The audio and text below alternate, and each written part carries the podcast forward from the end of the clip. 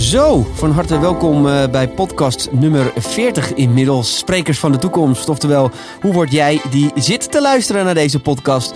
De spreker van de toekomst. En vandaag iemand in de studio eh, waar we een hele bijzondere insteek eh, hebben gekozen voor deze podcast. Want ja, we gaan het eigenlijk voor de eerste keer in de podcastserie niet hebben over degene die in de podcast zit, maar over heel iemand anders. Maar eh, first thing first, eh Gerber van Driel. Yes. Welkom in de podcast eh, van Quality Bookings. Eh, Dankjewel. de veertigste inmiddels alweer. Dat gaat, eh, gaat behoorlijk eh, snel. Oh, voordat we helemaal ingaan eh, op, eh, op het thema van vandaag. Ja. Eh, hè, want je hebt, je hebt heel lang voor iemand gewerkt. We houden het nog heel even stil. Het is nog een verrassing. Eh, daar gaan we het vandaag over hebben. Want het was een fascinerend persoon. Eh, maar jij bent ook een fascinerend persoon, laten we eerlijk zijn. Voor de mensen die niet weten wie, wie Gerben is. Kan, kan jij ons kort even meenemen in, jouw in jouw professionele carrière als, als presentator, dagvoorzitter? Precies, ja, want ik, dan ga ik een, flink stuk skippen. Want ik heb ooit bedrijfskunde gestudeerd en bedrijfsleven gewerkt. Maar ja, bloed bleef kruipen waar het niet gaan kon. Ik zag spotlights, ik zag een podium, ik zag mensen op tv dingen doen waarvan ik dacht, ja, volgens mij kan ik dat ook. En en ik moest gewoon uitvinden of dat ik dat inderdaad ook zou kunnen. Dus ik ben op mijn dertigste tv gaan maken. Achter de schermen begonnen en uiteindelijk voor de schermen beland. De Want, waar, want je gaat nu heel snel. Waar Ja. achter de schermen belandde je dan?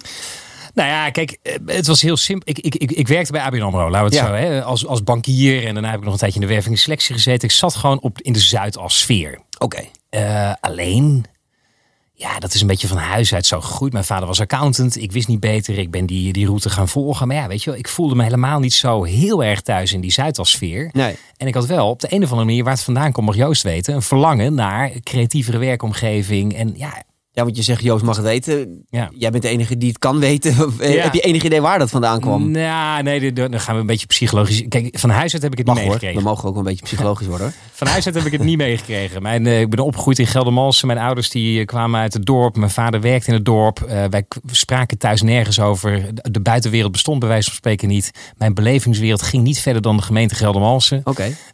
Dus wat je wel eens leest. We hadden thuis altijd over politiek. Of ik werd meegenomen naar het theater. Niets van dat alles.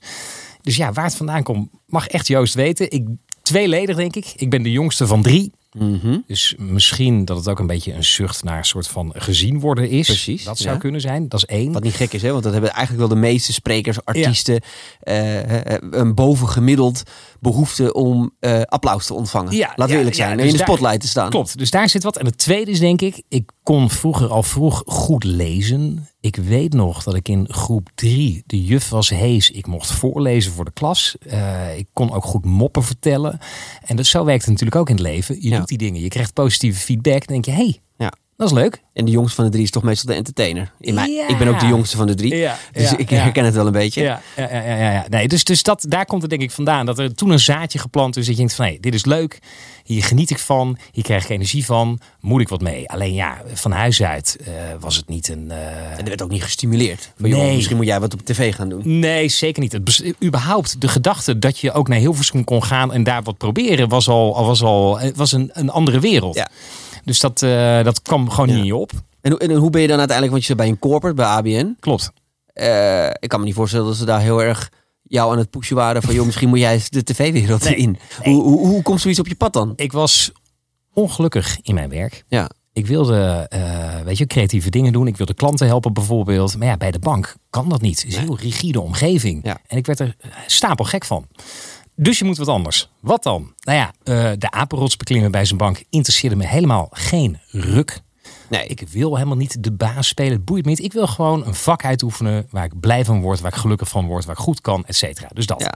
En juist misschien juist omdat het zo'n hiërarchisch systeem is, werd het weer al extra benadrukt. ja. Dat dat dus niet is waar je, waar je in terecht wil komen. Ja, ik heb dat gewoon. Dat zit dus niet in me. Weet je wel? De behoefte om over twintig man wat te zeggen te hebben, interesseert me geen zak. Nee. Ik, eh, nou goed, ik ben eerst een rondje. Want je kijkt altijd eerst in je comfortzone. Hè? Eh, je kijkt niet verder dan je neus lang is. Ik ben eerst een rondje door die bank gaan eh, maken. Ik heb, Kijken of er iets te creatiefs te vinden was. Ja, vond niet wat ik zocht. Nee. En eh, nou, de tijd tikte inmiddels door ook. Hè? En ik was op een gegeven moment. nou Ja, ik heb ook nog naar het trainersvak gekeken. Nou, ik, ik zal je mijn hele omzwerving besparen. Maar op een gegeven moment, eh, ik was bijna 30. Mijn nu vrouw is iets ouder. Eh, op een gegeven moment denk je gewoon van ja, de window of opportunity is closing. Ja. Als ik nog wat wil doen, moet ik nu dat gaan doen. Oké. En heel Druk die voelde je ook wel. eh, Ja, die druk die voelde ik. En ik ben begonnen bij Kemna Casting, workshop presenteren onder leiding van Roland Kooijmans. Ik daarheen, een weekend. En eh, ik stond er. Maar gewoon out of the blue. Of had je al wel al in je hoofd, ik wil iets met presenteren gaan doen? Of was ja, dat... dat... was, ik, had wel, ik had wel, in die zin was ik ook een beetje pragmatisch. Ehm, dat leek, ja. Kijk, je kan ook zeggen, je probeert te acteren. En dat is wel zo. Ik heb ooit één scène in goede tijden, slechte tijden gespeeld. Nou, we gaan hem opzoeken. Kijken of we hem erin kunnen monteren. Ik was journalist Henk. Ik heb ook de aftiteling gehaald. Heb ik mijn. IMDB-notering aan te danken. Mooi. Nee, maar goed, ja, weet je, dat... dat, En toen ben je weer teruggegaan naar ABN AMRO. Toen dacht je, nu heb ik het hoogtepunt gehad. eh. ja, ja, ja. kan alleen maar En slechter. nu gewoon thuis wachten op de prijs. Die ik ongetwijfeld ga ontvangen. Maar de Ja. telefoon bleef stil. Oh, dat is gek. Nee, nee, nee. Nou, nee, ja, hoe is dat gekomen? Ja, ik weet niet. Dat, dat is gewoon, eh, kijk, ja. Ik vond acteren wel leuk. Ik heb ook een amateurtoneel gedaan. Mhm. Maar dat, dat was niet per se waar mijn... eh, ja, presenteren leek me gewoon de, de... Ja, jezelf zijn. Dat Ja, want waren er dan bepaalde voorbeelden ook op tv? Of dat je, dat je die continu zag en je denkt, ach man, Nou. dat wil ik ook. Zeker. Nou ja, kijk, vroeger was dat eh, Henny Huisman eh, natuurlijk en Ron Brandsteder. Later was dat eh, Matthijs van Nieuwkerk en, eh, en Bo van Ervedorens. En ik moet zeggen, daar zit nog een, een aspect aan. Dat moet ik er ook nog bij zeggen. En dat heeft al een beetje te maken met onze secret guest. Ja. Ehm, ik in de eerste jaren van mijn werkzame leven, en ik werkte dus voor de man waar we het zo meteen over gaan hebben. Mhm. Inspirerende man, fascinerende man, ook een hele moeilijke man om voor te werken. Ja, Eh, en dat zijn meestal de leukste. ja, achteraf lach je erom, zou je Ja, zeggen. ja. Toen, toen niet, eerlijk gezegd. Ik ben uiteindelijk echt kruipend op handen en voeten daar dat kantoor verlaten. En ik heb er echt wel een beetje een tik van gekregen. Eh, het was een man in de theaterwereld. En wat ik daar zag, was als volgt. Dat. Hè, eh, die man ook legde ho een, de lat was hoog. Super kritisch op alles en iedereen. Maar de artiesten werden op handen gedragen. Ik weet in die tijd dat ik daar werkte, eh, kwam na lang trekken aan hem André van Duin terug Ah. in de theaters. Kijk. Die ging naar de, de- de- liet zich weer verleiden om een revue te doen. Ja. En ik zag hoe André, ik bedoel, ze, die, ook mijn baas toen, Mhm, was kritisch ten opzichte van alles en iedereen. Maar als André binnenkwam, wist hij niet hoe hij het André naar de zin moest maken. En daar, daar zit ook nog een klein stukje van mijn Snap ik. Dus je had, je had het gevoel van, als ik artiest ben, dan... Ik dacht ik- inderdaad, ja. het is leuk om te doen. Volgens mij kan ik het ook. En als ik het zo verschop, dan zal nooit iemand mij nog kwaad doen. Ja, precies. Ja, ja, een soort comfortzone lijkt het dan. Ja, dat ja. lijkt het op. Weten inderdaad. we inmiddels dat dat niet zo weten is natuurlijk, maar down the road kan me heel zou goed voorstellen. dat het allemaal niet... Maar ja, goed, ja. et cetera. Maar dus dat was het. Natuurlijk wat heel veel ondernemers ook met rijkdom hebben. Als ik dan die deal van 10 miljoen heb, nou dan Ja, heb ik de comfortabel om echt een comfortabel leven te gaan maakt leiden. niemand mij meer wat. Nee, precies. Nee. Ja. Eh, en kijk, en presenteren, ja, dat lag ook in mijn beleving in mijn mogelijkheden. Ja. Weet je wel? Kijk, want acteren moet je kunnen, moet je een opleiding doen, moet je naar Maastricht, weet ik veel. Maar presenteren kon, dacht Ja. ik. In Ja. die closende window of opportunity was dat nog een haalbare kaart. Ik naar Kemna Casting, Roland Kooijmans, één weekend presenteren, tips van Roland. En er is natuurlijk helemaal niemand die zegt, jij bent God's gift to television. Roland zei dat toen ook niet. Waar ben je geweest al die ik jaren? wel, misschien heb ik het, ja, misschien heb ik heel selectief geluisterd, maar ik had wel het idee dat hij dacht van, nou, er zit wel wat in die Ja, jongen. ja, ja. En het belangrijkste van alles, ik was gewoon na dat weekend gewoon hooked. Ja. Ik stond voor die camera, ik mocht presenteren en het was bijna alsof je getrouwd bent. En prima. Maar je komt dan vervolgens een vlam tegen waarvan je denkt, wow. En dat je daarna dus niet meer, dan ben je verliefd, kan je niet meer concentreren op je vaste relatie. In mijn geval, ik kon me niet meer concentreren op mijn werk. Nee, Ik moest toen wat gaan ABN doen. uit en heel snel uh, daar wat mee doen. Nou, dat is Ja. natuurlijk wel mooi dat je wel door zo'n cursus en door zo'n training wel ook gelijk je passie gevonden hebt.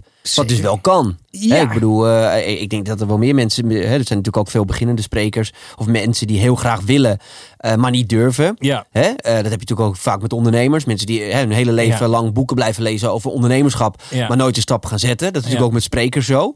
Ehm, eh, maar jij hebt uiteindelijk toen één workshop gevolgd en toen wist je, dit is wat ik moest doen. Ja, ja, ja precies. Ja. En toen ben ik daar. Dus dan, dan ga je dat vervolgens proberen dat naast je werk te ontwikkelen. Eh, ja, en via via kwam ik op de Media Academie terecht.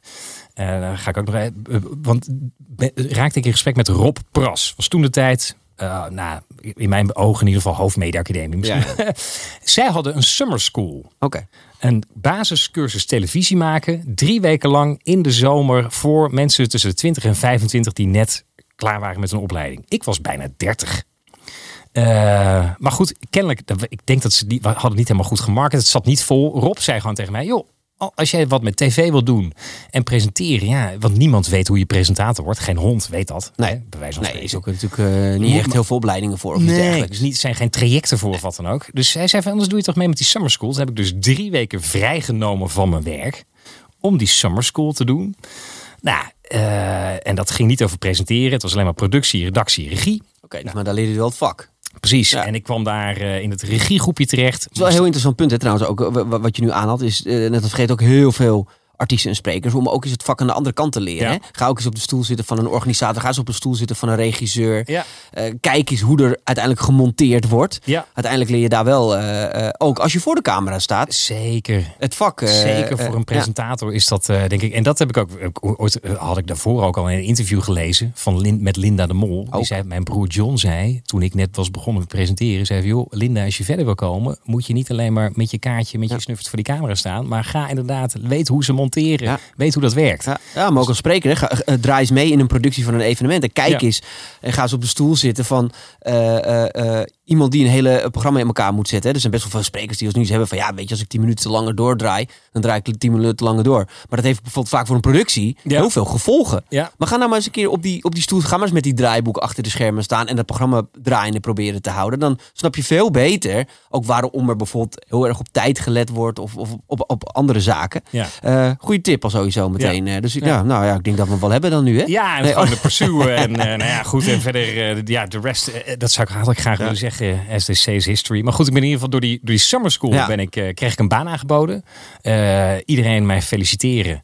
Uh, want ik mocht voor de helft van mijn toenmalige salaris beginnen bij multiculturele televisie Nederland, als ik dat wilde. Oké. Ik mijn vrouw bellen. Die zat in Madrid. Die was wat minder enthousiast. Nou ja, ik dacht, want we hadden trouwplannen en dingen. Ik denk, nou, nu gaat het komen, weet je wel. Ik zei, nou ja, ik heb een baan aangeboden gekregen. Zei, oh, wat gaaf dit en dat zo. Ik zei, ja, en dit is wat ik ga verdienen. Ik had oh. verwacht, lange stilte. Ja. Maar ze zei, doen. En dat is natuurlijk ook, ja. dat is tip 2. Zoek iemand uh, Ongelooflijk belangrijk. Een sterke vrouw thuis. nee, dat was echt een sleutelmoment. Dus ik ben dat gaan doen uh, bij Multiculturele Televisie Nederland. In de klei gewoon gedropt. Ja. En uh, nou ja, allerlei omzwervingen en te lange lessen op het moment dat ik dacht, dat is misschien ook nog wel een aardige. En want ik wilde presentator worden. Mm -hmm. Ik was 30, begon bij de Multiculturele Televisie Nederland. Twee jaar daar gezeten. Uh, vervolgens bij, bij iWorks nog terechtgekomen. Reality achter de scherm, achter de scherm. En in de tussentijd, Jeroen Pauw begon de Talent Kitchen. Okay. Uh, dus ik las een berichtje. Iedereen die denkt dat hij wat kan, stuur een filmpje in. Word je hè, dan krijg je een selectieproces. En, en, en, als je daar doorheen komt, dan ben je een van de talenten van de Talent Kitchen. Dan gaan we dingen met je doen. Ja. Nou, dus ik filmpje insturen. Werd uitgenodigd. 375 man daar. Selectie in eerste instantie selecteerden ze er zes. Was ik er niet één van. Oh. Maar uiteindelijk was ik er toch. Ik was nog net de zevende. Christine van Dillen. Die zei: Hij wil hem er toch bij hebben. Dus bam, ik erbij. Zeven man. Ik denk, nou, yes! I've got it made. En dat is dan misschien tip 2 geloof niet alles. Uh... Niemand gaat het voor je doen. Punt. Nee, nee. en dat is ook heel. Ja, dat is natuurlijk ook wel een beetje waar, natuurlijk veel artiesten op hopen. Hè? Van nou ja, goed, ik, ik ga ergens optreden en dan ziet iemand mij en dan gaat diegene mij groot maken. Ja. Nou ja, ik geloof daar echt totaal niet in. Dat, dat, dat zal vast een keer bij een paar unieke verhalen gebeurd zijn. Maar 9 van de 10 artiesten, 9 van de 10 sprekers hebben gewoon kleren hard moeten werken om hun doel te bereiken. Ja, ik, heb, ik was ook in die. Ik hoopte ook dat het zo zou werken. Zo werkt het gewoon niet. Punt. En dat is ook begrijpelijk. Ik bedoel, ja, je kan geen ijzer met handen breken. Nee. Uh, dat is ook even, altijd een van de dingen, dat heb ik ook tegen jou gezegd, tegen heel veel sprekers gezegd, waarmee wij gaan werken hè, als bureau. Van, joh, het moet wel, het is wel een two-way street. Ja. Uh, als je echt serieus denkt dat je bij ons aansluit, dat je dan thuis op de telefoon kan gaan wachten tot de boekingen binnenkomen. Ja. That's not how it works. En andersom hetzelfde. Als wij een spreker hebben en alleen maar op de website zetten en hopen dat er dan heel veel boekingen binnenkomen, dat gaat ook niet werken. Ja. Je moet daar samen, hand in hand, uh, hard aan gaan werken. En wat ook nog wel een aardige is, zeker voor mensen thuis, of die als je nu luistert, je denkt, ja, ik, wil, ik heb die carrière, ik heb die ambitie, maar het zit niet heel veel schot in de zaak. Wanhoop niet. Een van de dingen die ik heb uh, geleerd ook, althans wat bij mij heel vaak terugkomt, uh, is, zijn de woorden van, ik moet even zo, de grote filosoof Barry Stevens. Vooral doorgaan. Ja. Dat is een hele belangrijke ook. Ik, ik, ik, nou, het is natuurlijk iets heel simpels, maar dat, uh, daar zit natuurlijk wel de essentie in. Ja, want in mijn geval ook. Eh, ik, ik, ik wilde dus presentator worden. Zat dan bij die Talent Kitchen. Gebeurde heel weinig. En het was bij, in mijn geval ook altijd... Ja, ik zat altijd gewoon in de verkeerde hoek. Ja. Ik was sowieso natuurlijk al... Ja, al geen jong talent meer. Ik had uh, geen journalistieke achtergrond. Uh, tegelijkertijd voor het echte amusement of zo. Ja, weet je wel, dat ben je ook weer niet. Was ik ook weer niet frivol genoeg voor, denk nee. ik. Hè? Ik bedoel, als je amusement wil maken, dan moet je denk ik veel meer uit de acteurshoek komen. Mm -hmm. In ieder geval, niks paste. Het was helemaal crap. En uh, na twee jaar op die site gestaan te hebben, uh, ik nog een keer met Christine in gesprek. Uh, vergeet ik echt nooit meer. Zij is misschien al wel vergeten. Fantastische vrouw over. Fantastische vrouw. Ja. En die, zij zei ook van, ja, weet je, ja, ik bedoel, zij zou ook graag willen. Maar ja, je kan geen ijzer met handen breken. Nee. Ik was inmiddels 35, joh. Ja. Misschien moet je toch langzaam zeker een beetje uit je hoofd zetten. Mm -hmm. Het is gewoon moeilijk, zag ja. ik zelf ook wel. Dus, nou ja, joh, dankjewel voor alles. En, en een week later ging de telefoon al, alles wat tot dan toe voor mij een nadeel was geweest, was in één keer een voordeel. Ik was namelijk onbekend. Geen hond zit te wachten op onbekende mensen. Maar die aanvragen, die opdrachtgever wilde juist een onbekend iemand. Ja. En ik had geen journalistieke achtergrond. Maar dat was daar geen enkel probleem. Ah. eh, want de oprichter, eigenaar, of ja, eigenaar mag je niet zeggen, voorzitter had zelf ook zijn journalistiek niet afgemaakt. Okay. En qua uitstraling paste Past ik perfect. volledig bij de doelgroep. Ik ging werken bij Poont. Dus uh, ah. dat was mijn, uh, dat was mijn uh, onscreen, eerste onscreen ervaring. Ja. En nou ja, goed, daar begonnen. Superleuke tijd gehad. toch, maar ik ben toch iets meer van de inhoud dan dat het toen daar was. Mhm. Ik ben uiteindelijk naar RTL Z gegaan. Daar nog een hele tijd gewerkt. En inmiddels ja, ben ik, presenteer ik het programma Bulls and Bears op RTL Z. Het gaat over beleggen. Ah, kijk. En dat is dus eigenlijk ben je dan een beetje je oude, je, je, je oude saaie vak een beetje gaan combineren met, Ja. uh, met, Ja. met, je, nieuwe, met je nieuwe liefde. Ja, je komt er toch niet helemaal los van, kennelijk. Nee, Dus, met ex eh, is dat ook. Zo kom je ook nooit vanaf. Ja, dat is het. Ja, ja en dat is, dat is ook alweer zo. Kijk, eh, de- ook als het gaat over beleggen, er zijn maar weinig mensen, denk ik. eh, ben ik even onbescheiden, die in staat zijn om het, om het A te snappen. En ik, moet het, ik ben geen expert, maar je moet natuurlijk wel een beetje weten waar de Mosterd gaat. Je moet er wel een beetje feeling mee hebben. En tegelijkertijd het ook een beetje Ja. entertaining kunnen brengen. Ja. En het misschien ook wel eh, plat kunnen slaan en eenvoudig kunnen uitleggen. Ja, en ook gewoon heel veel mazzel hebben. Want dat is dus ook wel de les. eh, Dat is, dit- want Bulls Bears is de tweede keer in mijn leven dat dat gebeurd is. Eh, want ik heb een tijdje bij RTL Z gewerkt. En vervolgens eh, liep het daar een beetje op zijn einde. En ja, laten we eerlijk zijn. Er was helemaal niemand die... die, eh, ook daar was niet... Mhm. Iedereen zei, joh, je doet het leuk en fantastisch. Maar er was niemand die zei van, joh, ik ga, we gaan met jou... we gaan voor jou de nieuwe XIZ maken. Nee, nee, nee. nee. Dus, en eh, toen was ik dus inmiddels 40. En toen dacht ik ook, ja, weet je, ik kan wel blijven hangen hier, wanhopig. Maar dat schiet niet op. En ik ben niet op de wereld om tweede, derde, vierde of vijfde viool te spelen. Weet je wel, misschien moet je dan gewoon zeggen, binder dan, ik had een t-shirt, ik ga wat anders doen. Ja, precies. Toen ben ik me op nou ja, trainingen geven gaan richten. Eh, maar ja, dat is dus ook, je moet dus ook een beetje mazzel hebben. Ja. je kan, de mazzel krijg je niet als je niet voorgesorteerd staat. Dus eh, heb je ambities, kom van die bank af, doe je best, ga dingen doen. Sowieso, want dat moet je wel afdwingen. Ja, dat heb je niet op je af. Maar Nee. dan moet je vervolgens ook een beetje geholpen worden. In mijn geval was dat corona. En eh, corona kwam, een, een- een- iemand met wie ik werkte, die, die ging in de online events. Vervolgens kreeg hij de ambitie om een tv-programma te maken. Nou, wij kenden elkaar al een tijdje. En zo komen dingen dan weer bij elkaar. En zo kom je dan weer terug op tv. Dus, ja. nou ja. Nou ja, dat is Dus toch dat. fantastisch mooi. Nee, maar goed, ik, eh, ik denk dat eh, eh, de persoon waar we het zo meteen over gaan hebben... ik denk dat je daar heel veel van geleerd hebt, hè? Mhm. uiteraard ook. Ik denk dat iedereen daar heel erg veel van kan leren. En je ziet ook in jouw carrière. Nou ja, goed, weet je, het, het- het- je moet het wel zelf doen. Ja. Het gaat niet op je afkomen. En natuurlijk, je kan deurtjes openzetten. En ja, als je niet achter die deur staat, ga je er ook niet doorheen kunnen. Dus je moet wel wat gaan doen. Ehm, maar eh, te veel mensen, te veel jongeren, zeker op dit moment, hebben het idee van, nou ja, goed, als ik maar ergens een leuk liedje zing, als ik maar de perfecte song heb, als ik maar de perfecte keynote heb, Ja. dan gaat iemand anders het wel mij maar in de markt zetten. Dan gaan het vanzelf de deuren wel open. That's not how it works. Nee. Je moet ze echt zelf open, open gooien, die deuren. En, je, en, en dan nog steeds moet je er ook de hele tijd er weer bij halen. Want mensen zijn nou eenmaal niet bezig met jouw carrière, maar voornamelijk met hun eigen carrière. En logisch. Dus ehm, nou ja, wil je een keer de stap zetten, zal je toch eh, zelf, eh, zelf daar het initiatief in, eh, in moeten nemen. We, gaan naar onze speciale gast. Want waarom ik je vandaag ook heb uitgenodigd, wat jij vorige keer vertelde, is jij hebt jarenlang voor een van onze de grootste theaterproducenten gewerkt, Jacques Zenef. Yes. Jacques Zenef is helaas overleden een aantal jaar geleden. Ja. Ehm, maar jij bent zijn rechterhand geweest. Klopt. Ik was de tassendrager, om het maar even zo te zeggen. Oh, dat klinkt ook heel bijzonder. Ja. Nee, kijk, uh, Jacques Senf, uh, als ik die naam uh, noem, dan ja, alleen theatermensen kennen de naam. Ja. dus als je hem niet kent, dan kan je denken, ja, hoe? of wie? Ja. Maar vergis je niet, hij past in het rijtje Joop van den Ende, John de Mol, Leon Raamakers van Mojo Mhm. Concerts. En ik noem dan ook nog Henk van der Meijden. Ja. Hij is echt een van de grotere concertenorganisatoren, theaterproducenten. Precies, producent, uh, vooral ook impresario. Hè, dus iemand die, uh, die theatertournees boekte voor artiesten, artiesten maakte. Hij is ooit begonnen. Jacques Senf is een, is een, is een ja, ik zou bijna zeggen, een natuurfenomeen. De man is geboren in 1946. Voordat hij een rijbewijs had, had hij al een bedrijf met, uh, ik weet niet hoeveel mensen op de payroll.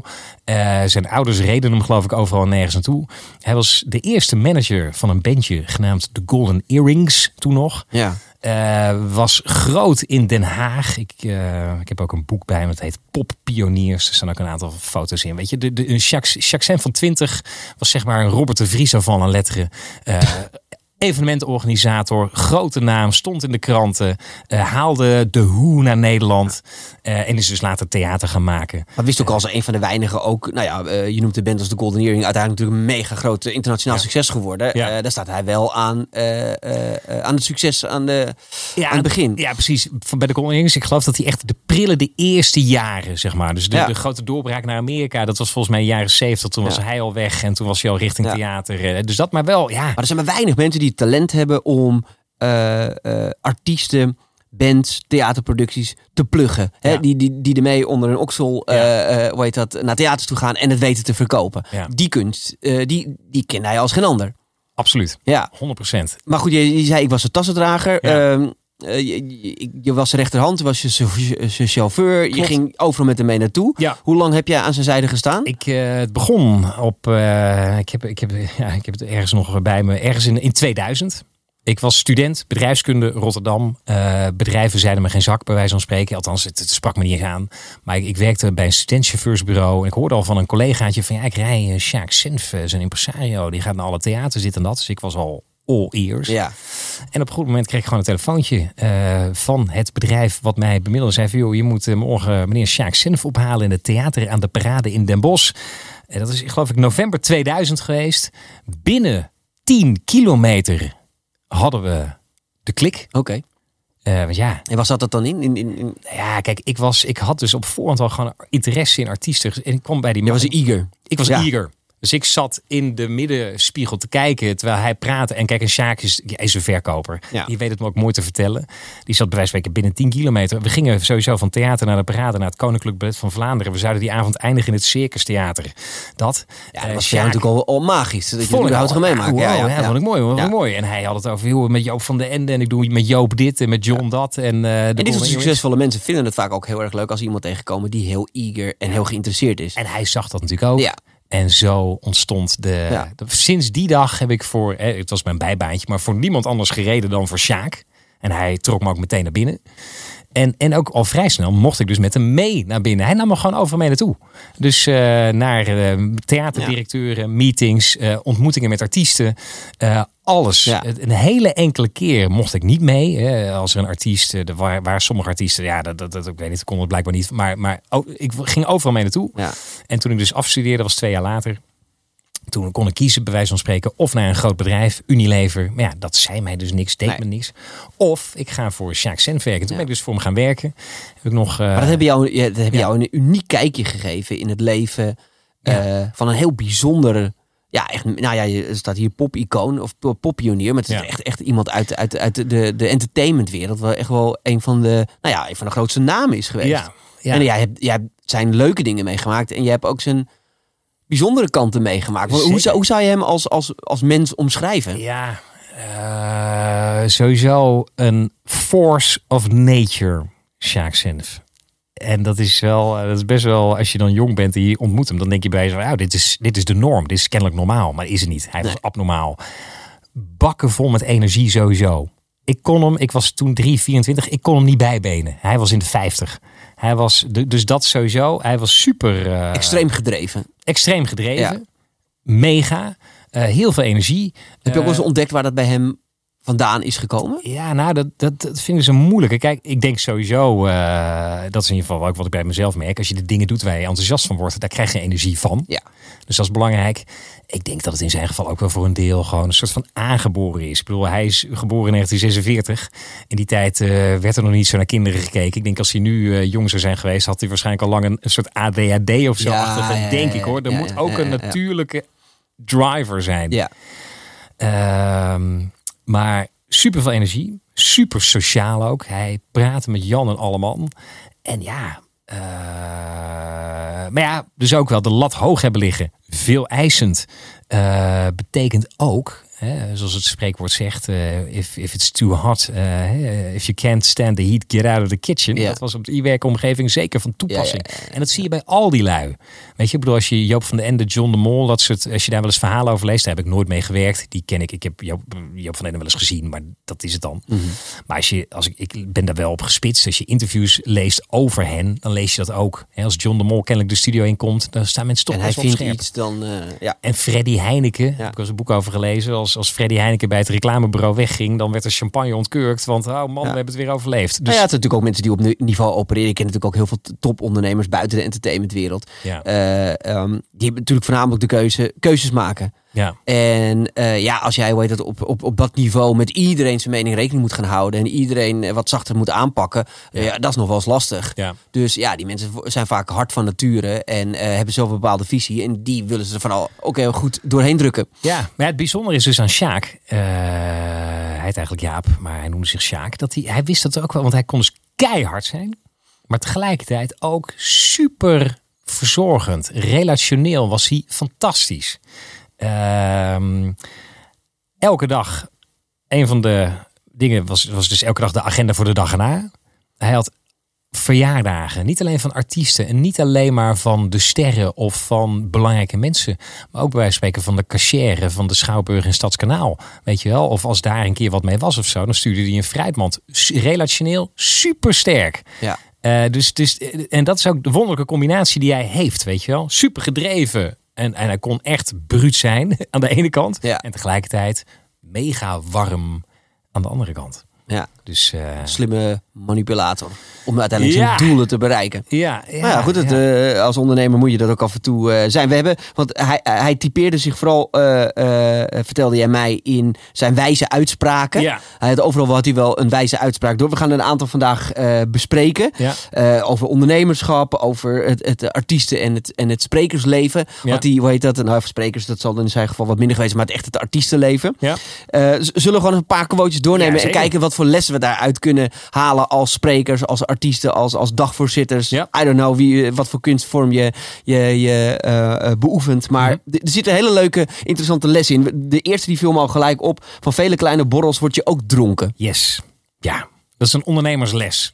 En, en dat gaat erover. eh, de theaterwereld is sowieso natuurlijk een moeilijke business om snel veel geld te verdienen. Ja. Schril contrast. Sowieso veel geld verdienen is heel moeilijk hoor in de theaterwereld. Ja, maar als je sowieso, als je kijkt nu, eh, bedoel, we leven natuurlijk in 2022. Ik zit dan ook veel in die beleggingswereld. Althans, daar, daar luister ik Ja. veel naar. Daar heb je de crypto cowboys en mensen die grote klappers willen maken. Snel, met grote stappen snel thuis. Gaat je niet lukken in de theaterwereld. Maar, zei Sjaak altijd, van vele kleine borreltjes word je ook dronken. Als je in die tijd maar de- deed hij 4000 voorstellingen, had geloof ik 50 artiesten en gezelschappen. Als je maar genoeg kleine succesjes boekt, alles bij elkaar, Heb je een groot succes. word je flink dronken. Ja. Bij wijze van spreken. Van die vele kleine borreltjes. En dat vind ik ook wel mooi. Dat is ook wel weer wat. Hoe zeg je dat? Ja, Eh, maar dat merk je toch ook wel. Ik, ik snap wat je bedoelt, ook in de entertainmentwereld, ook bij de artiesten. Iedereen wil altijd meteen. eh, dat is ook waarom, ik- nou, dat heb ik in mijn vorige podcast ook al gezegd, waarom ik zo'n hekel heb aan al die talentenjachten. Iedereen wil meteen Ja. in Ahoy. Iedereen wil meteen, Ja. eh, eh, eh, hoe heet dat, een, een miljoenen hit hebben. Iedereen wil meteen de, de honderdduizenden views op Spotify hebben en weet ik veel wat. En de miljoenen en het geld en de auto's en dat soort dingen. Terwijl het entertainmentvak leer je door schaanschande. Door op een keer op die bar te staan. Eh, voor een keer voor kleine groepen te staan. En langzaam je weg te vinden in die entertainmentwereld. Het gaat met hetzelfde. Je ziet het ook vaak hè, met artiesten die in één klap heel erg succesvol worden. Die zijn vaak daarna Eh, worden ze of depressief, plegen ze zelfmoord, uh, aan de drugs verslaafd, drank. Want het is een hele gekke wereld. Ja. Je moet daar leren, stapje voor stapje, in te komen. Je moet bouwen inderdaad. En, dat is, en, en ook verder kijken naar zolang is je niet blind staren op het eerstvolgende event. Uh, in dit verband ook een van de verhalen die Sjaak regelmatig vertelde, ook tegen mij. Want Sjaak was een volkse man ook. Frans Bauer was volgens mij een van zijn lievelingsartiesten. Oké. En over Frans, nou ja... De, de, de, Frans Bauer is misschien niet de, de beste zanger die Nederland het gekend heeft. Maar die ging wel al op jonge leeftijd met bandjes volgens mij langs de deur om zijn eigen muziek aan de man te brengen. De succesvolste. Precies. Ja. Sjaak genoot daar altijd van om dat te vertellen bijvoorbeeld. En dat is wel de spirit die je moet hebben.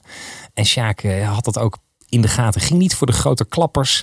Uh, een van de andere one-liners is ook: je moet het een beetje door elkaar nemen. Soms heb je een groot succes met veel waar je geld, veel geld verdient. Soms zijn er ook projecten waarvan je weet: verder verdien ik waarschijnlijk geen pepernoot aan. Ja. Maar ik doe het toch, Ja. omdat het mij helpt te bouwen aan dat, hè, die lange adem. Ja. Dat Respecteer het proces ook, hè? Dat, is het ook dat, dat zit er ook een beetje in. Het respecteren dat, dat eh, het niet altijd meteen van A naar, naar Z gaat, maar dat Ja. daar hè, een heel alfabet tussen zit. En dat je al die kleine stapjes moet nemen. Ja. En ook van dat proces moet je ook genieten. Moet je ook leren van genieten. Want als je uiteindelijk je doel bereikt hebt, nou ja, dan kom je ook al heel snel achter dat dat vaak ook niet de eh hoera brengt die je had verwacht. Ja, kijk, en dat is ook zoiets, hè, want dat heb ik zelf ook moeten leren. En dat geldt denk ik ook voor Sjaak, want ik bedoel, het is een grootheid. Als je met mensen spreekt uit de theaterwereld, die, die, het is een autoriteit, et cetera, blablabla, zus en zo. Maar kijk even verder dat je neus lang is. Ook Sjaak Senf heeft knijterhard ervoor moeten werken. Super veel uren gemaakt. Is ook op zijn bek gegaan. Links en rechts, waar je natuurlijk dingen van leert. Tuurlijk. Er is bijna niemand die inderdaad, wat jij ook zegt, in één keer op het podium staat. En die het allemaal komt aanwaaien. Nee. En, eh, en, en, en die er dan En volle zalen heeft. Nee, Nee. precies, precies, Nee. precies. En dat, dat leerde ik ook daar als geen ander. Ehm, hij eh, had ook de eh, legendarische opmerking: met accountants kan je geen theater maken. Nee. Klopt. Met accountants kun je geen theater maken. Dat is een opmerking die. En eh, je kan er ook geen theater mee maken. Ik denk dat je er ook überhaupt geen onderneming mee kan drijven. Eh, Ah, je hebt ze wel af en toe nodig. ja, zeker wel. Zeker wel. Maar volgens mij, hè, even uitzoomend. Anno 2022 zijn we zo gespitst op cijfers en op Mm. data. En als het volgens de cijfers niet kan, dan doen we het niet. Ja, dan kom je dus nooit ergens. Eh, die uitspraak komt uit het feit, hè, dus zo zit die theaterwereld ook in elkaar. Het is nu, bij wijze van spreken, 2022. Maar we zijn aan het boeken voor 2024, 25, 26 bij wijze van spreken. In de theaterwereld werkt dat zo. Hè? Dat, dat het is, zo. je moet altijd een paar jaar vooruit eh, plannen. Precies. Ja. En op dit moment is het, hij zei ook al heel vaak, ik verkoop lege dozen. Want het zijn, ja, op dit moment heb je niet meer dan bij wijze van spreken een titel van een stuk wat je wil doen. En misschien een, naam ja. van een acteur waar je Ja. bij wijze van spreken van droomt, maar die je nog niet hebt vastliggen. En daarmee ga je de boer op om vervolgens eh, ja, te proberen die theater, die tournee te verwezenlijken, dat project te verwezenlijken. Ja. En als je er met een accountantsblik naar kijkt, eh, heel vaak van dat soort dingen, dan zeg je, ja, maar waar baseer je dat dan op? Een heel slecht verdienmodel al meteen in de basis. Ja, Ja. eh, Ja. maar hoe, hoe zit het dan met de risico's? Ja. Ja. als je puur door die bril kijkt, dan zou er nooit wat van de grond kopen. Dan zou je er niet aan beginnen. Nee, klopt. Nou ja, nee, dat is, ook, dat is natuurlijk ook... Kijk, onze eh, business draait heel grotendeels ook om onderbuikgevoel. Hè, ergens in geloven. Mhm. eh, en daar de bereidheid voor nemen om uiteindelijk eh, te realiseren. Maar er zit natuurlijk een enorm groot financieel risico vaak aan vast. Ik heb zelf theaterproducties ge- geproduceerd. En ja, dat is, dat is inderdaad oké. wij geloven in iemand. Wij hebben de eerste theatertour voor Johnny de Mol gedaan. Nou, Johnny de Mol had had nog nooit in het theater gestaan. Ehm, dus ja, de, en het is ook geen eh, ongeschreven regel dat als jij op de tv bent, dat je maar de theaters vult. Dat is ook niet zomaar eh, eh, één op één te kopiëren.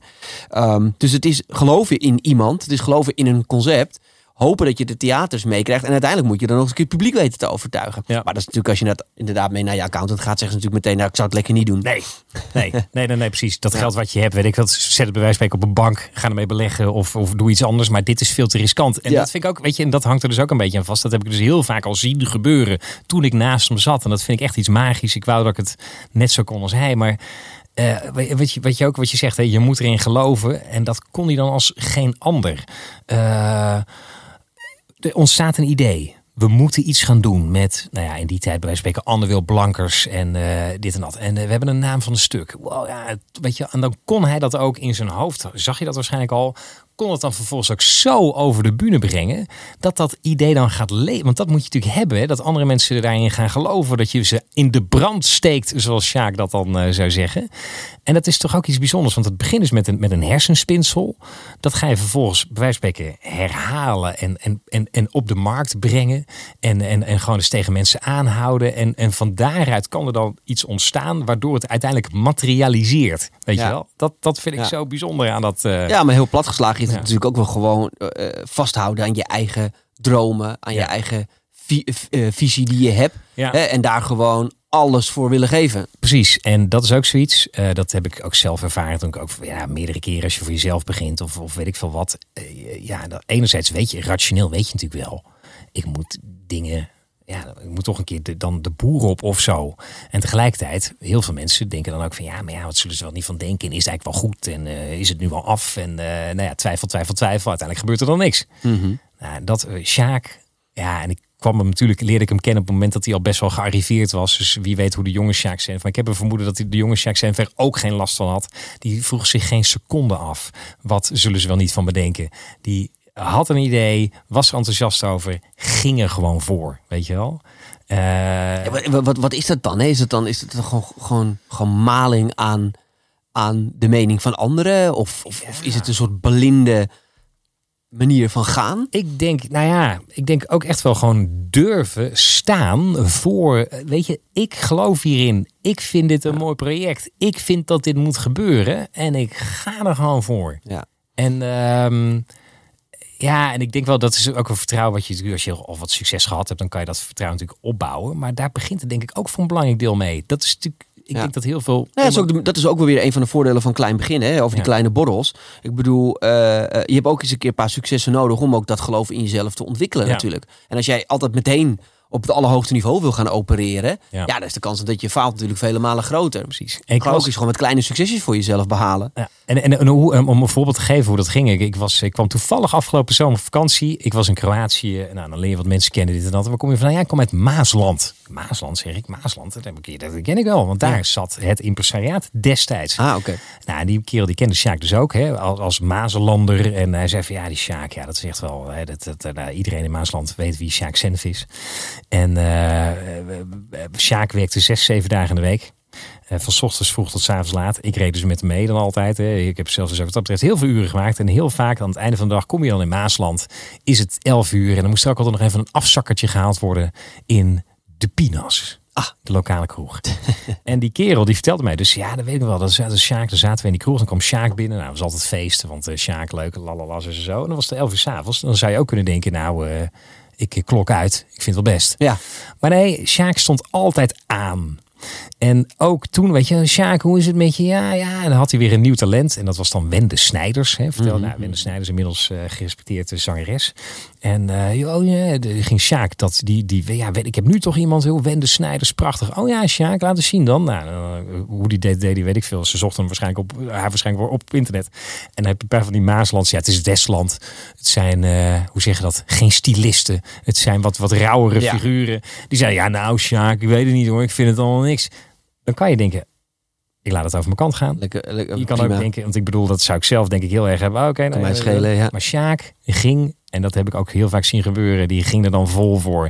Uh, ook al was het 11 uur. die boeren gingen die, die overto uh, overtuigd. Ja, ja, daar kon hij niet. Had ook wat dat betreft ook geen zelfspot. Maar die ging, wat? Nee, je, je bent onze Wende Snijders. Fantastisch, ja, ja, weet je wel. Hij vocht tot het. Ja, misschien is dat wel. Want die passie die je dan ook nodig hebt om het uiteindelijk ook aan de man te brengen. Ja, en ook niet, en ook niet politiek correct. Oh, vinden jullie niks? Oké, okay, nou laat me zitten dan. Nee, gewoon bam. Gewoon blijven gaan. Ik vind Door, het leuk, dus jullie gaan het ook leuk vinden. Duwen, duwen, duwen, duwen. Wat dat betreft. Ja, ja, ja. En dat is hij had ook nog wel een paar mooie uitspraken voor artiesten. Ja? En nou, dat is super interessant. Dat zijn natuurlijk allemaal artiesten. Ja. Uh, een van die dingen was, je moet spelen, spelen, spelen, spelen, ja, spelen, spelen, precies, spelen. Precies.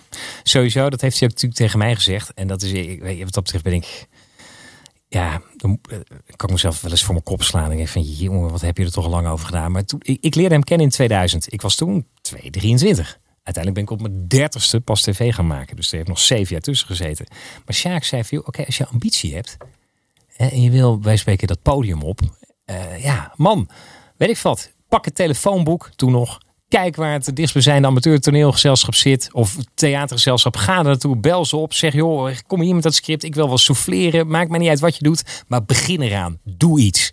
Hè? Ja. Dat is les 1. Om het ook maar even in Sjaakse termen te zeggen. Eh, dus daar begint het mee. En daarna, als je dan eenmaal wat aan de gang hebt, ja, je moet spelen, spelen, spelen inderdaad. Je moet meters je maken. meters maken. En niet meteen al wanneer kan ik in Carré, bij wijze van spreken, maar Precies, gewoon ja. de kleine zalen. Daar begint het. Zorg eerst maar eens dat je A, daar staat, B, daar eh, heel veel staat en C, dat je ze dan uitverkoopt zolang tot ze uitpuilen. En dan, en alleen dan, kunnen we eens na gaan denken over, misschien kan je een tandje Een erbij. grotere zaal. Ja, Ja, ja, ja, ja. Niet snel willen. Zaaien, zaaien, zaaien. Spelen, spelen, spelen. Meters maken. Nou ja, Dus, eh, eh, denk ik ook een hele goede tip voor, eh, voor sprekers. Want Ja. uiteindelijk is dat ook het allerbelangrijkste. Het vak leer je door het te gaan doen. Nou ja, precies. En de opdrachten ga je krijgen door het te gaan doen. ja, ja. En niet door thuis te zitten en hopen op, Nee. op, een- op een mooie klus ergens in een hooi. Nee, en als ik dan wat dat betreft uit persoonlijke nota mag toevoegen, wat mijzelf heel vaak demotiveerde, is dat je dan natuurlijk kijkt naar lui die spelen, spelen, spelen. En dat je denkt, en dan kijk je naar jezelf en denk je, jezus, dat gat is levensgroot. Dat wordt nooit meer wat. Ja, ja, ja. Maar ja, je moet gewoon beginnen. Begin ergens, weet je wel. Eh, doe wat. Bij de, de, de kroeg op de hoek of waar dan ook. Of als je wil spreken. En nou ja, probeer eerst eens dan op je werk of zo. Weet ik veel wat. Probeer het eerst daar. En, en wees dan ook niet bang om te falen, zou ik zeggen. Precies. Nou ja, eh, weet je, als één ding alle succesvolle artiesten gemeen hebben, is dat ze gewoon zijn, zijn gaan beginnen. Ja. En overal zijn gaan spelen. En eh, op, op verjaardagen zijn gaan optreden. En vanuit daar weer naar de kroeg. Van de kroeg naar het restaurant. Van het restaurant naar de kleine theaters. En nou Ja. ja, zo moet je uiteindelijk eh, doorgroeien. Ja, want, want je, sowieso, want het kost tijd om sowieso jezelf te ontdekken. Om je, Zeker. om je Het is natuurlijk ook een eh, bijzondere kunst natuurlijk. Die Ja. je gewoon in de praktijk moet leren. Ja, Dat, Om je, het is net als met, met autorijden. Moet je ook uiteindelijk leren op de snelweg. En niet met, je, met, je, met je lesprogramma's. Nee, dus wat dat betreft was hij ook altijd als de kipper. Weet je, ook tegen jonge artiesten, ook tegen mensen die eager zijn. Prima, maar het begint met A, spelen, spelen, spelen. En B, kleine zalen. Weet je wel, begin bij het begin. We gaan, hè, dat is, in die zin zijn die talentenjachten waar je het eerder over had. Dat je in één keer geparachuteerd wordt naar Naar Carré grote of weet ik veel Nou ja, wat. is werkt zelden geen goed houdbare kaart. Nee, En je nee. moet het van onderaf aan opbouwen. Eh, hij zei ook van één theatertour krijg je 13 snabbels, maar van 13 snabbels krijg je geen theatertour. Zo is het, ja. Die gaan nog één keer zeggen. Van één theatertour krijg je 13 snabbels, maar van 13 snabbels krijg je geen theatertour. Klopt. Dat is eh, vaak, eh, ja, zeker als er artiesten kwamen, die op een gegeven moment zeiden, nou Sjaak, eh, ik weet niet, maar bij jou krijg ik X.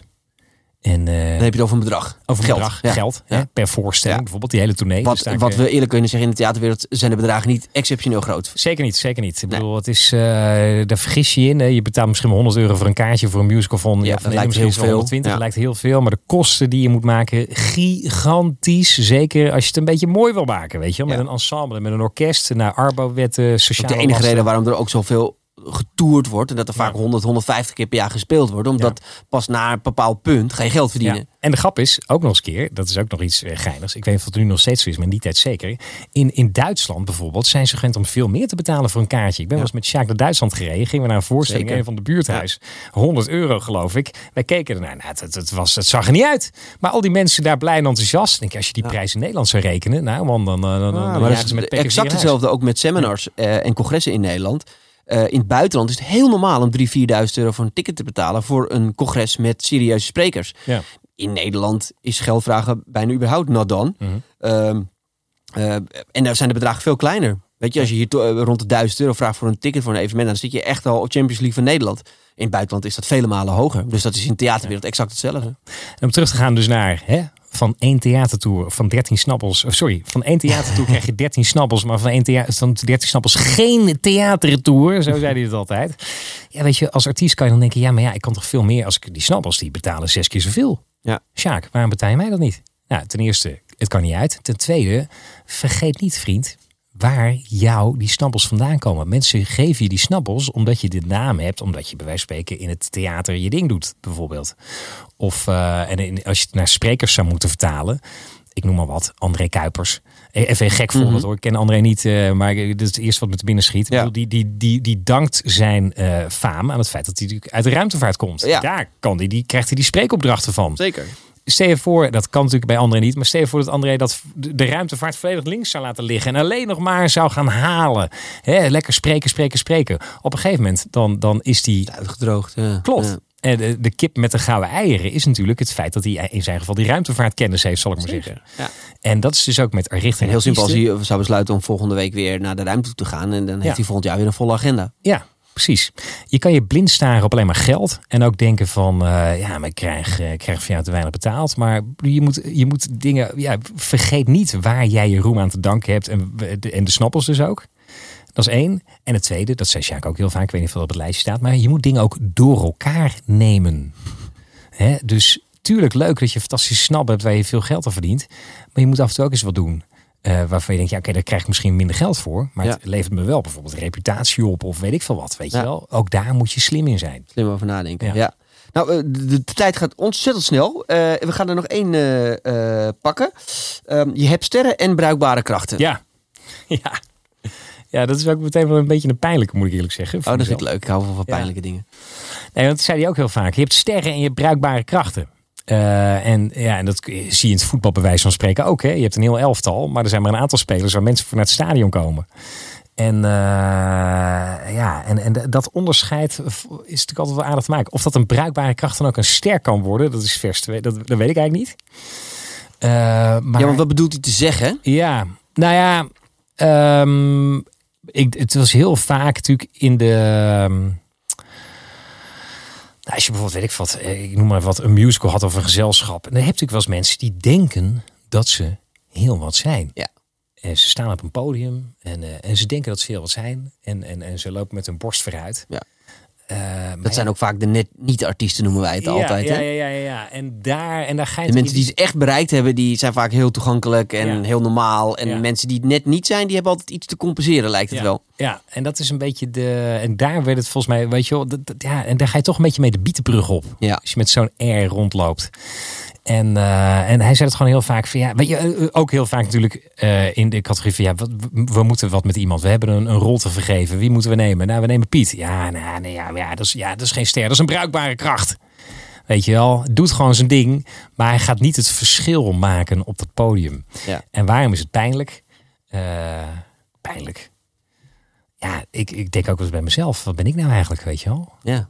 Ben ik Wat nou ben jij? een ster? Of een bruikbare we- kracht. Moeten we toch zeggen, een bruikbare kracht. Nou, dan houd ik mezelf maar voor. dat je een ster bent. Nee, ik ben sowieso natuurlijk geen ster.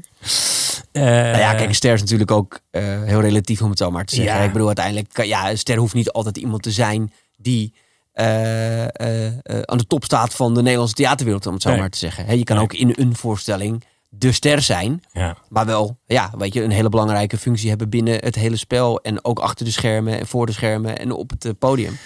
dat sowieso. Als spreker moet je ook de ster zijn van een bijeenkomst natuurlijk. Dat wil niet zeggen dat je heel erg bekend bent en eh handtekening moet uitdelen na afloop. Nee, Uh, maar het is wel een bepaalde rol die je kan pakken bij een bijeenkomst. Er zijn natuurlijk sprekers die hun ding komen doen. Hè, en even 40 minuutjes, 45 minuutjes hun eh, programma afdraaien en weer weggaan. Maar ja, je hebt ook sprekers die er echt zijn. ja. Ik En een stempel drukken op Ja. zo'n bijeenkomst. Waar iedereen na afloop zegt van wow, dat, was, echt- dat was goed. ja. Dat was ja, en indrukwekkend. ik denk ook wel, want dat is wel wat ik daar ehm, aan heb overgehouden. De observerende. Hè, zeg maar, Sjaak observerende. Natuurlijk ook gewoon die, die hele wereld observerende. En dat is wel het gevoel dat ik eraan overgehouden heb. Ik denk uiteindelijk als je het ver wil brengen. Ook in die wereld, maar ook in elke andere wereld. Dat betekent dat serieus met je vak bezig zijn. Eh, respect hebben voor alles en iedereen. Sjaak bijvoorbeeld was niet een elitaire man. Die kwam niet, die, wat ik al eerder volgens mij ook al zei. Het was niet dat hij alleen maar met sterren levelde. Hij praat ook met de cashier, weet je wel. En, en volgens mij, wat jij nu ook zegt, sprekers. Ik denk als je alleen maar ergens komt om te halen.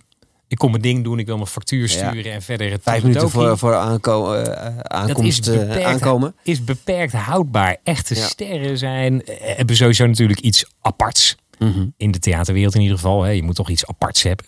eh, als je inwisselbaar bent. Maar, maar voor een deel creëer je dat denk ik ook door serieus met je vak bezig te zijn. Zeker. En, eh, en inderdaad er echt te zijn, zeg maar. Dan heb je in ieder geval de kans in mijn beleving dat je iets van sterrendom zou kunnen ontwikkelen. Voor, voor, voor, voor zover je dat moet wikkelen, willen. Want Sjaak bijvoorbeeld wilde absoluut niet in de schijnwerper staan. En je kan, er ook, je kan je ook afvragen of dat wel zo leuk is om super bekend te zijn. Uh, in mijn geval hou ik me er ook maar voor. Ik heb wel eens een keer ergens gelezen: het leven is geen sprint, het is een marathon. En sommige mensen uh, gaan heel snel, andere mensen gaan wat lang, langzamer. Maar daar komt dan de grote filosoof Barry Stevens weer om de hoek.